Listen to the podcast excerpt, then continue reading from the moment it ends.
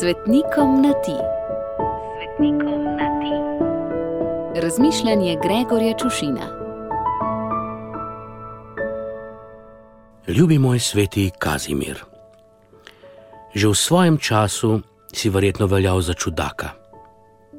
Danes bi te brez dvoma razglasili za blaznega. Rojen na polskem dvoru, tretji od 15 otrok, princ, ki je vse svoj čas najraje preživel v cerkvi, še spal si najraje tam.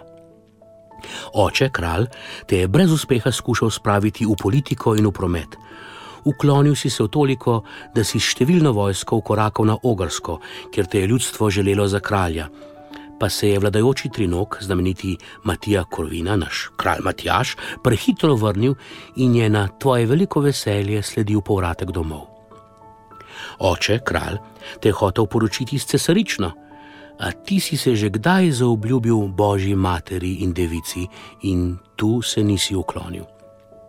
Oče, kralj, je besnel, te celo zaprl, tako je pač bilo v tistih časih, v 15. stoletju. Danes se tvojemu očetu ne bi bilo treba ubadati s teboj.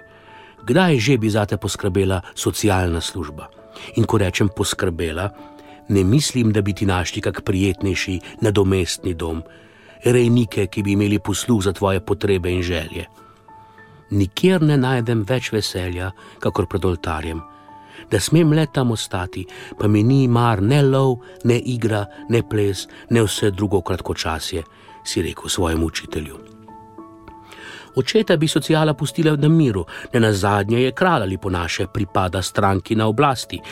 Ti pa bi spoznal vse mogoče ustanove, kavče, delavnice, terapije, dokler morda ne bi izkoristil pet minut brez kontrole in skočil skozi okno.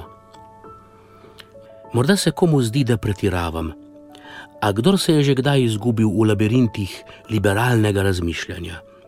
Komor je bilo dano zgolj pokukati v prostorja, kjer mešajo meglo. Komor se je že kdaj plašč, ki ga ne zna obračati po vetru, zataknil v kolesje tako imenovanega demokratičnega sistema in ga je potegnilo med drobna zobata kolesca, ki meljajo in meljajo, dokler se ne pozabi, kaj se je mlelo. Ve, o čem govorim in ve, da imam prav. Kazimir, Kazimir, kazil si mir v svojem času in skazil bi ga danes da bi se pokazalo iznakaženo. Umrl si v Litvi, tisti Litvi, ki je kot ti očetu kralju kljubovala velikemu sovjetskemu bratu in ni dala svojega hriba križev in ga ni dala. In kadarkoli so bagri zravnali, so križi vedno znova ustali. Božja trma. Obilo žegna za tvoj god, pa nam ga vrni in razline nas, Gregor.